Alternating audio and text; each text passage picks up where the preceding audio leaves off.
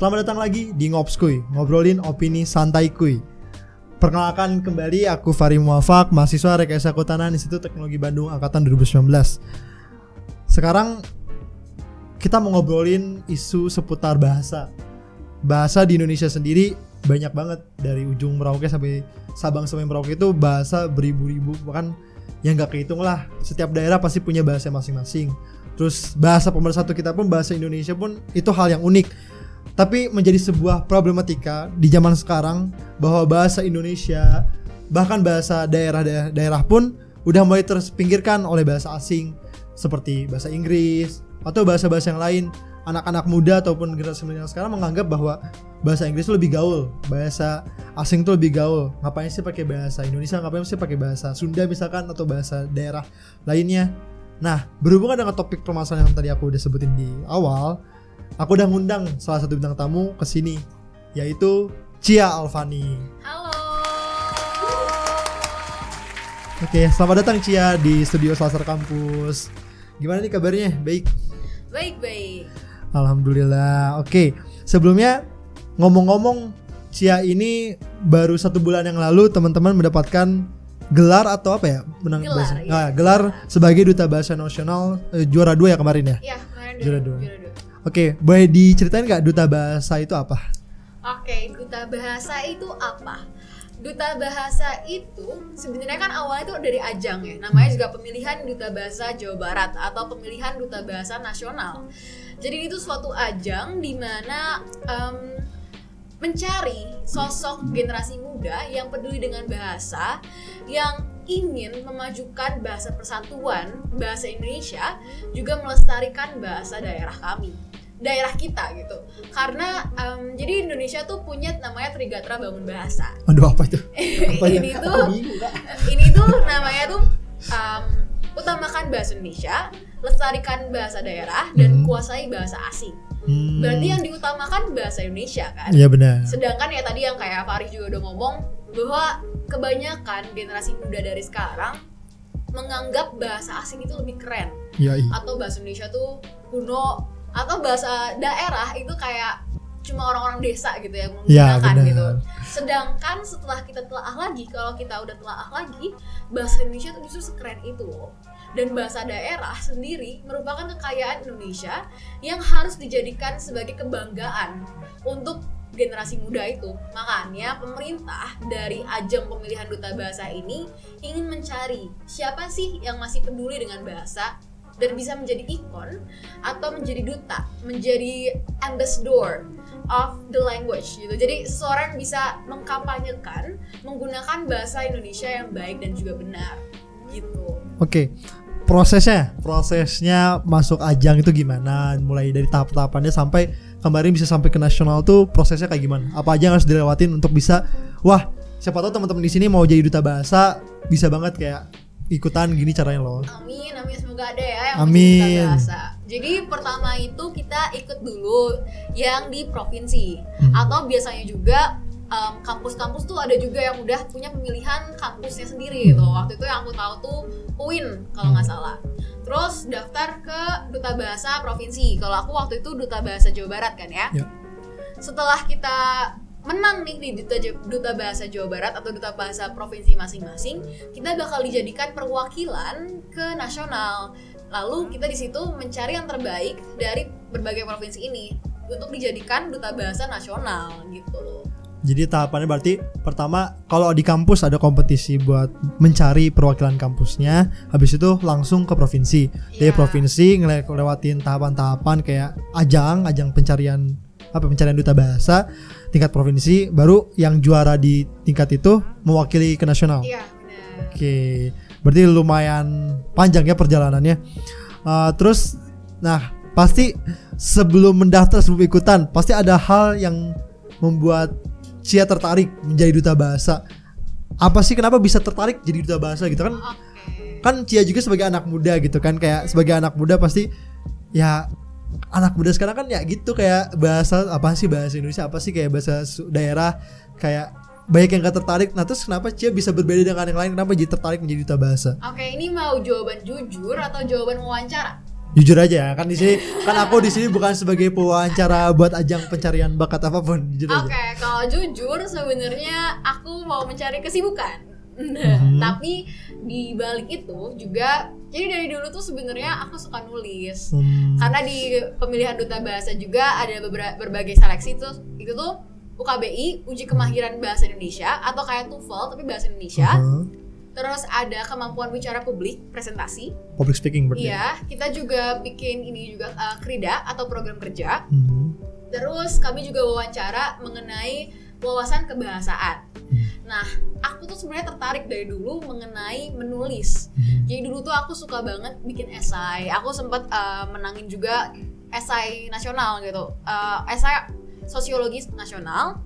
Terus aku juga sering nih bikin puisi atau takarir atau caption aku di Instagram itu aku tuh biasanya bikin puisi tapi puisinya puisi temporer Hmm. kont- kontemporer jadi puisi modern yang nggak berbait atau bait lagi tapi udah beneran secara paragraf gitu aku suka banget jadi ya udah aku mikir siapa tahu aku bisa berkontribusi ke dalam kebahasaan di Indonesia karena sebagai warga negara Indonesia juga jujur aku bangga dengan bahasa yang ada gitu misalnya Kali tahu nggak sih kalau slide itu bahasa Indonesianya apa? Apa? Slide, Slide. PowerPoint slide.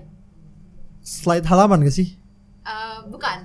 Apa tuh? Jadi slide-nya PowerPoint itu bahasa Indonesia tuh Salindia. Salah, Salindia. Iya, Salindia. Wah, aku taunya Celine Dion. Oh, beda ya, beda. Itu penyanyi ya. Terus kayak tadi juga aku udah sempet nyebut takarir.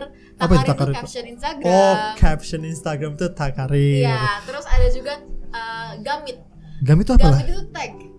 Jadi Tag orang ya kita ke tag people gitu itu Iya, jadi di Instagram if we tag people itu namanya tuh saya menggamit gitu. menggamit. Menggamit gitu. Oke, oke. keren kan maksudnya ketika Iya. kita mengetahui hal-hal ini tuh bikin kita kagum dengan bahasa Indonesia gitu dan itu yang menjadi alasan kenapa aku pengen banget gitu buat jadi ikon atau seseorang yang menjadi penggerak gitu dari em, kebahasaan Indonesia yang begitu luar biasa yang bisa menyatukan Indonesia dari Sabang sampai Merauke waktu itu juga maaf ya ini kalau panjang Gak apa-apa santai ini beropini kan. Iya, Jadi iya. Boleh panjang banget tuh. jadi waktu itu tuh aku pernah diundang di salah satu stasiun televisi di uh, Indonesia gitu Hmm. Terus aku ditanya, waktu itu tuh lagi em, Sumpah Pemuda. Hmm. Aku ditanya, apa sih yang buat Sumpah Pemuda spesial buat kamu?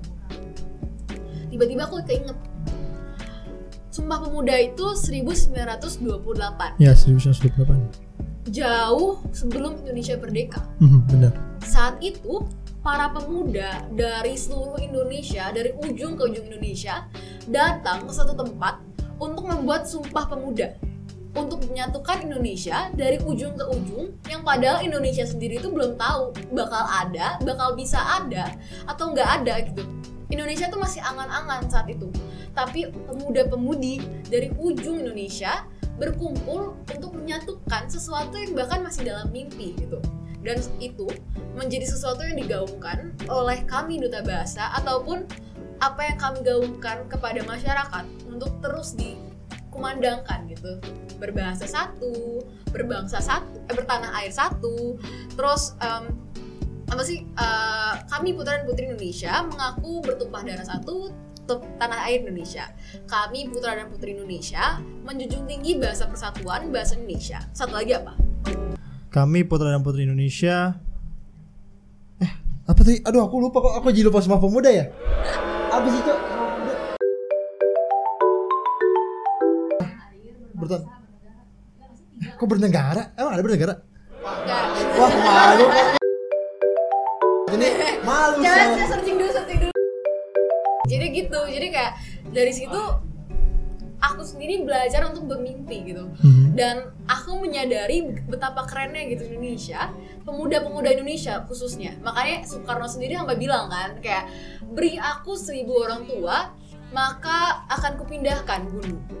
Tapi beri aku 10 orang muda, akan kugoncangkan dunia itu adalah menurut aku itu sesuatu yang sangat benar gitu mengenai pemuda dan mengenai makna dari sumpah pemuda itu gitu makanya em, ketika aku ditanya kenapa mau jadi duta bahasa ya aku pengen melanjutkan mimpi harapan cita-cita dari para pendahulu-pendahulu kita untuk menjadi seorang ikon untuk pemersatu bangsa gitu.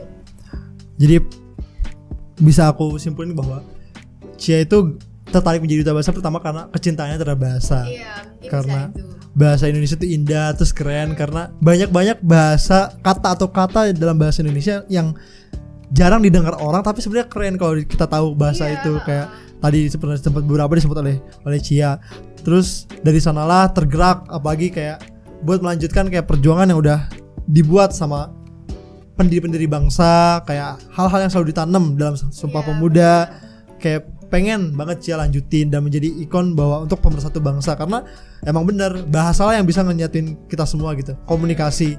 Karena hal dasar dalam komunikasi itu lewat bahasa kan. Iya. entah itu bahasa secara verbal secara atau bahasa tubuh atau bahasa yang lain pun semua tuh bisa terkoneksi satu sama lain karena adanya suatu bahasa. Nah boleh share dikit gak sih perjalanannya gimana? Dari awal daftar terus sampai kayak ke nasional terus nasional ngapain atau gimana? Oke, sebenarnya lucu juga sih kalau misalnya dibilang jatuh cinta pada bahasa. Jujur aku jatuh cinta pada bahasa baru setelah aku masuk 40 besar dari Duta Bahasa Jawa Barat. Mhm. Kenapa? Karena awalnya aku sama kayak pemuda-pemuda lainnya. Aku cuma berbicara mengenai bermimpi, bermimpi, bermimpi. Tapi aku belum sadar betul apa itu fungsi dari bahasa bahasa Indonesia itu. Ketika aku masuk ke 40 besar, otomatis aku harus belajar tentang bahasa Indonesia secara keseluruhan, bahasa daerah yang ada di Indonesia dan juga bahasa asing yang ada di Indonesia. Dari situ aku belajar bahwa tadi itu bahasa Indonesia begitu indah, begitu luar biasa yang bisa bikin aku jatuh cinta.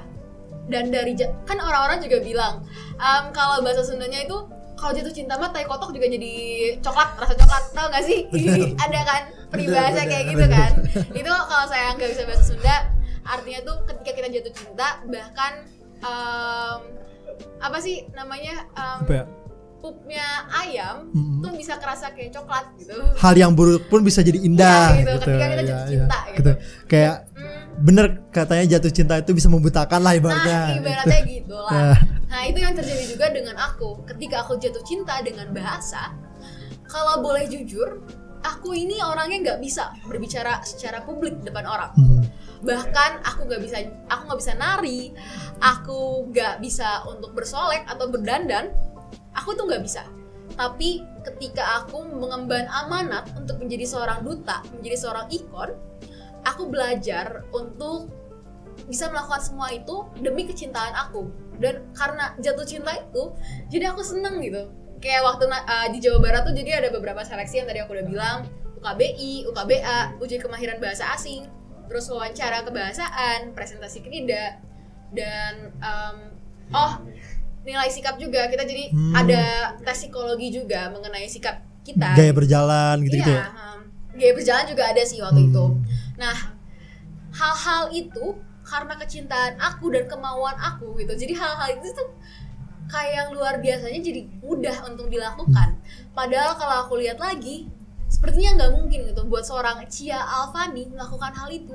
Bahkan mamaku sendiri aja, ketika aku berdiri di panggung untuk dipanggil sebagai lima besar, itu tuh sampai mikir dalam hatinya, ini beneran, nggak salah. Ini ini mimpi bukan sih bukan kayak gak salah nyebut nama Ah, gitu kayak mungkin eh, salah salah baris gitu dari namanya oh itu, ya gitu. harusnya urutan berapa? Iya gitu urutan Jadi berapa, kelewat jadi kelewat gitu. Bahkan mamaku juga kayak gitu. Dan teman-temanku juga jujur ngomong kayak gitu kayak ah sumpah mana ikut kayak duta bahasa duta bahasaan duta dutaan gitu. Hmm. nggak mungkin gitu tapi ya di sini gitu aku sekarang di sini gitu. Oke. Ah, tadi kan di awal aku udah nyampein kayak isu yang terjadi di masyarakat kita kayak soal permasalahan bahasa ya Indonesia dan bahasa daerah yang udah dianggap kayak dikesampingkan kayak kalah dengan bahasa asing. Tanggapannya Cia sebagai duta bahasa tuh terhadap tren bahasa itu gimana? Tren bahasa yang sekarang terjadi. Sebenarnya balik lagi sih ya ke pernyataan aku sebelumnya.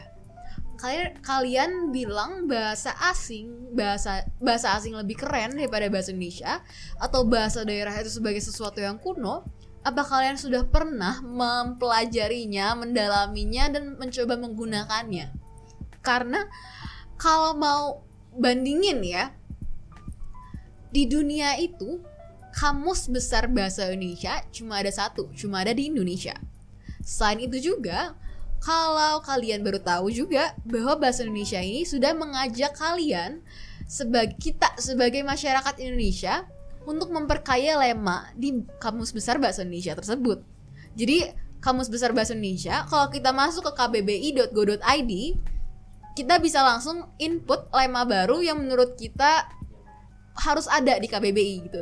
Jadi uh, kita bisa berkontribusi ke dalam penambahannya kosakata atau lema di Kamus Besar Bahasa Indonesia gitu. Selain itu selain itu juga bahasa Indonesia ini bisa menjadi lingua franca atau bahasa pen, penjebatan antara bahasa-bahasa yang ada di dunia karena menurut undang-undang juga Indonesia tuh sebenarnya punya cita-cita untuk menjadi bahasa global bahasa internasional hmm. kayak bahasa Inggris sekarang. Oh, dan bahasa Indonesia sendiri juga sebenarnya udah memenuhi tiga dari empat syarat untuk menjadi lingua franca tersebut. Bahasa Indonesia tuh kerennya tuh ini.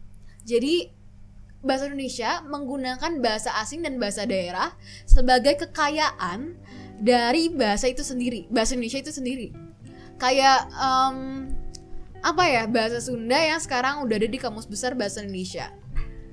Kalau nggak salah nih ya mm-hmm. gabut tuh udah di, udah udah ada di kamus besar bahasa Indonesia. Jadi bucin. Bucin, bucin tuh, udah ada. Bucin tuh bahasa Sunda? Bu, enggak sih cuman itu bahasa gaul oh kan, iya ya. bahasa uh, gaul. Itu tuh sebenarnya udah ada di bahasa Indonesia kamus besar bahasa oh, Indonesia. udah dimasukin? Iya. Terus kayak um, kulkas. Kulkas kulkas kan sebenarnya itu bahasa Belanda ya. Mm-hmm cuman bahasa Indonesia tuh uh, apa ya kayak membuat padanannya mm-hmm. dengan menyerap bahasa Belanda tersebut ke dalam bahasa Indonesia. Jadi kalau misalnya dibandingin bahasa Indonesia itu lebih apa ya lebih dinamis dan lebih menerima perubahan itu dari bahasa-bahasa yang ada di seluruh dunia baik itu bahasa bahasa daerah yang ada di Indonesia atau bahasa uh, internasional yang ada di seluruh dunia jadi kalau kalian bilang bahasa asing lebih keren atau bahasa daerah itu kuno, ya aku balik lagi ke pertanyaan tadi. Kamu udah coba atau belum? Karena aku juga salah satu orang yang jatuh cinta dengan bahasa Indonesia ketika aku mendalaminya gitu. Ketika udah mencoba masuk ke dalamnya. Kayak aku kenal sama uh, seseorang gitu. Nggak mungkin kan aku langsung jatuh cinta sama orang itu atau uh, love at the first sight itu mungkin sih sebenarnya. Cuman ketika aku mengenal orang itu lebih dalam baru aku bisa bener-bener bilang aku jatuh cinta sama orang ini. I love this man gitu. Sama seperti pepatah tak kenal maka tak sayang. Iya benar benar benar banget. Oke okay. nih dari isu yang tadi kita udah bahas kayak apa sih dampak yang terjadi gara-gara hmm. bahasa Indonesia? Jadi tertinggal bahasa Indonesia dianggap kuno segala macem apa sih dampak yang terjadinya dan solusinya itu gimana? Solusi okay. buat ngatasi permasalahan itu. Dampak dari bahasa Indonesia kalau tertinggal yeah. gitu ya. Kita harus ingat lagi se sumpah pemuda waktu itu. Kenapa sih para pemuda um, beberapa tahun silam itu memilih untuk menjadikan bahasa Indonesia satu dari tiga butir uh, um, sumpah pemuda Berarti kan itu salah satu bukti mengapa bahasa itu begitu penting. Hmm. Selain itu juga uh, bahasa itu adalah suatu bukti eksistensi suatu negara atau suatu kebudayaan. Karena bahasa sendiri lahir dari sejarah yang begitu panjang. Kayak misalnya bahasa Sunda sama bahasa Jawa. Itu kan walaupun kita mirip tapi berbeda. Hmm. Kayak misalnya jangan kalau bahasa Sunda itu gak boleh Sedangkan kalau bahasa Jawa itu jangan berarti sayur. Hmm. Atau apalagi ya? Um, kalau gedang, gedang itu kan kalau di di Sunda tuh pepaya, kalau di ah, iya, Jawa iya, tuh iya. pisang. pisang ya. Nah, iya. Uh, hmm. Jadi dari sejarah dan latar belakang yang begitu luar biasa, terjadilah terbentuklah suatu bahasa. Otomatis ketika bahasa itu hilang, kebudayaan dan sejarah ini juga hilang gitu. Makanya ketika namanya memartabatkan bahasa Indonesia atau memiliki sikap positif terhadap bahasa itu merupakan suatu hal yang luar biasa karena dengan hal itu juga kita bisa menunjukkan eksistensi bahasa Indonesia eksistensi bangsa Indonesia ke kancah dunia.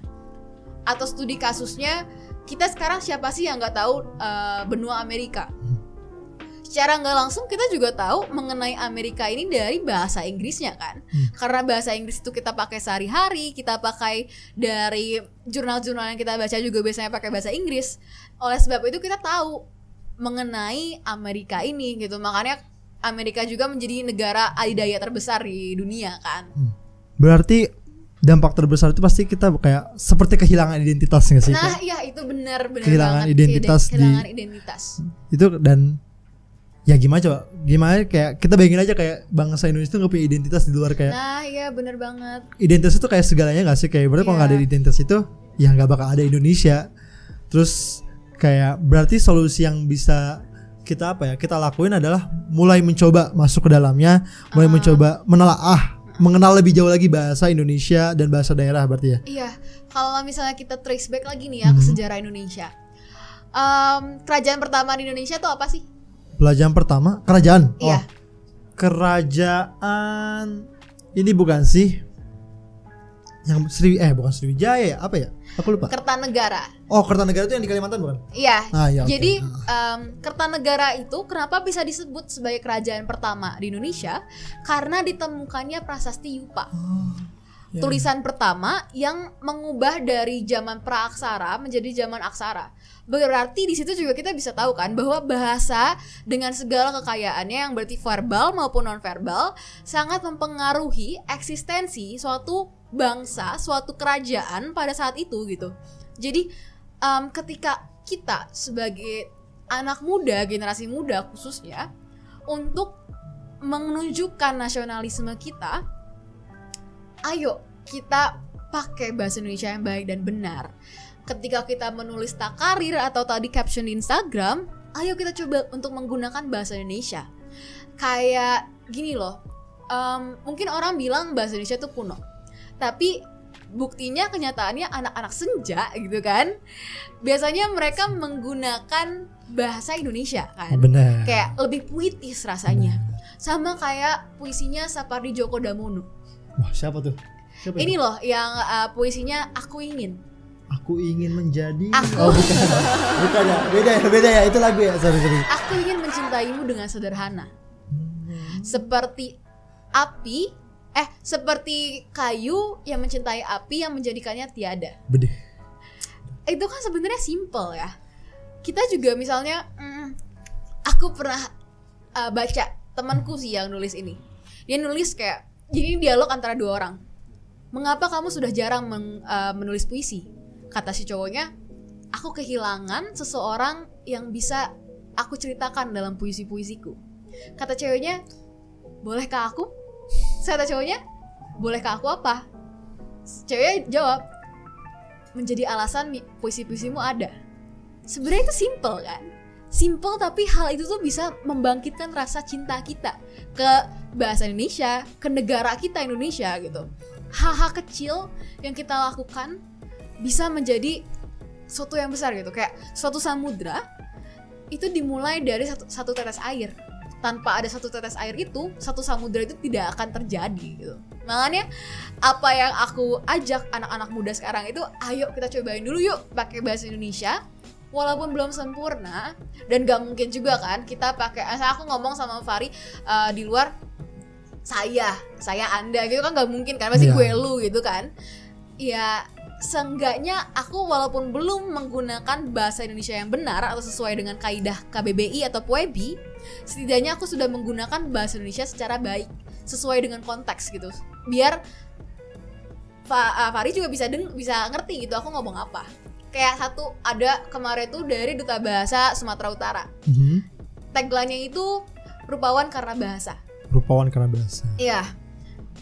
Kalau kita pertama lihat kan kayak oh lu lebih cantik itu nggak pakai bahasa Indonesia yang baik dan benar atau lu lebih ganteng itu pakai bahasa itu tuh. Tapi setelah aku telah lagi, oh rupawan karena bahasa, ya kamu terlihat lebih menarik ketika kamu menggunakan bahasa yang baik atau benar karena informasi yang kamu sampaikan bisa tersampaikan secara utuh, sempurna ke aku penerima informasi gitu. Ini sih aku juga pernah apa ya?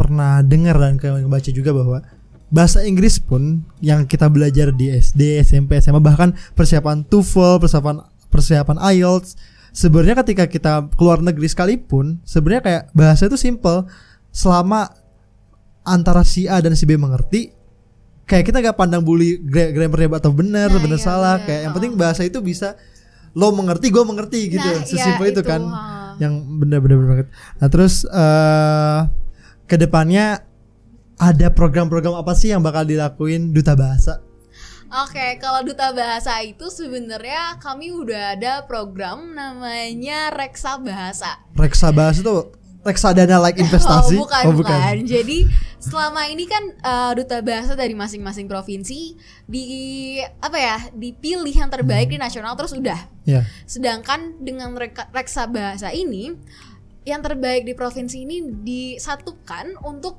menggaungkan program kerja nasional. Hmm. Jadi kami udah nggak bekerja sendiri-sendiri lagi per provinsi, tapi kami bekerja secara nasional Sebagai seca- satu Indonesia. Ya, sebagai satu Indonesia. Karena kan udah bukan bahasa Jawa Barat, udah bukan bahasa Sumatera Utara, tapi kami ada di bahasa Indonesia sebagai duta bahasa. Duta bahasa ya bahasa Indonesia untuk mengutamakan bahasa Indonesia tersebut. Oke, mantap, mantap, mantap. Ya itu sih kayak ya harapan aku, harapan aku juga sebagai ya bangsa Indonesia sebagai salah satu masyarakat Indonesia kayak ayo teman-teman kita cintai lagi bahasa kita kalau sebenarnya bahasa itu bakal indah ketika kita mengenal bahasanya. Gak harus bahasa asing, gak harus bahasa yang gaul-gaul gitu. Kita mulai aja dari bahasa daerah kita, terus ke bahasa Indonesia, bahasa pemersatu. Karena dari sana kuncinya kita bisa berkembang, kita bisa mengenal lebih jauh orang lain, kita bisa lebih mengenal suku atau bahkan sampai ruang, ruang lingkup global pun kita bakal bisa lebih kenal ketika kita bisa berkomunikasi menggunakan Iya, bahasa. bener. Kita bisa ngebawa Indonesia ke kancah global juga lewat bahasa. Ketika kita bisa apa ya memasarkan bukan memasarkan kita membawa bahasa Indonesia kita kita kenalin nih bahasa Indonesia itu bahasa yang gampang bahasa pemersatu gak usah ribet contoh nyatanya kayak ada beberapa negara sekarang yang memasukkan bahasa Indonesia sebagai mata Iya, pelajaran di benar, sekolah iya. itu menunjukkan bahwa bahasa Indonesia itu simple bahasa Hmm. Indonesia itu mudah untuk dipelajari gak sesulit bahasa Inggris yang pasten atau ribet-ribet banyak hukum-hukum anehnya lah sedangkan Indonesia apa pun bisa punya artinya gitu punya arti dan gampang digunakan oleh Nah siapa pun itu, jadi kan tadi aku udah bilang bahasa Indonesia itu Indonesia punya cita-cita untuk menjadikan bahasa Indonesia sebagai bahasa global. Pada faktanya bahasa Indonesia sudah memenuhi tiga dari empat syarat untuk menjadi bahasa global. Pertama yang tadi mudah untuk digunakan, yang kedua penuturnya banyak, yang ketiga dituturkan di berbagai negara. Gitu jadi kayak emang bahasa Indonesia tuh sebenarnya sekaya itu. Oke, terakhir deh, terakhir.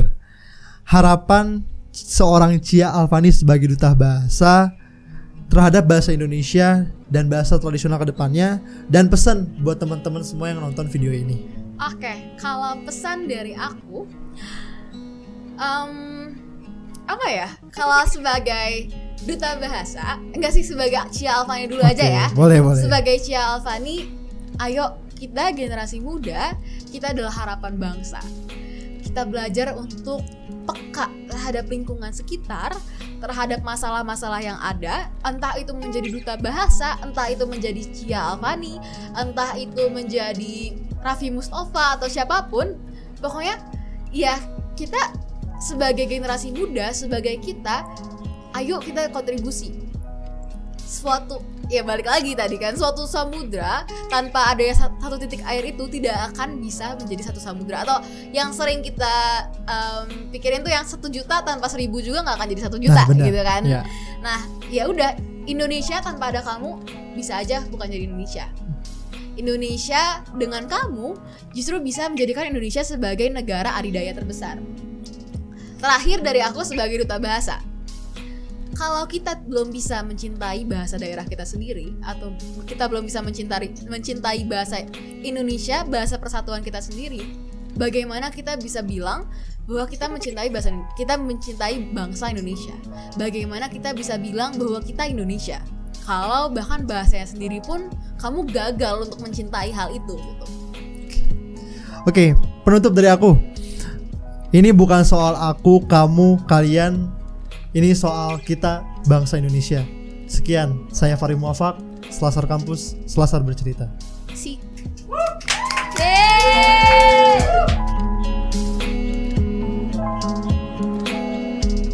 Kakak tingkat aku tuh selalu bilang kayak gini. Di SBM kamu tuh bebas untuk melakukan kesalahan. Jadi ini tuh tempat untuk kamu melakukan kesalahan. Jangan takut gagal karena justru kamu di SBM kamu harus terlatih untuk gagal. Oh biar nanti pas sudah lulus dari SBM Iya. bisa sukses. Ah, benar. Oke oke benar-benar.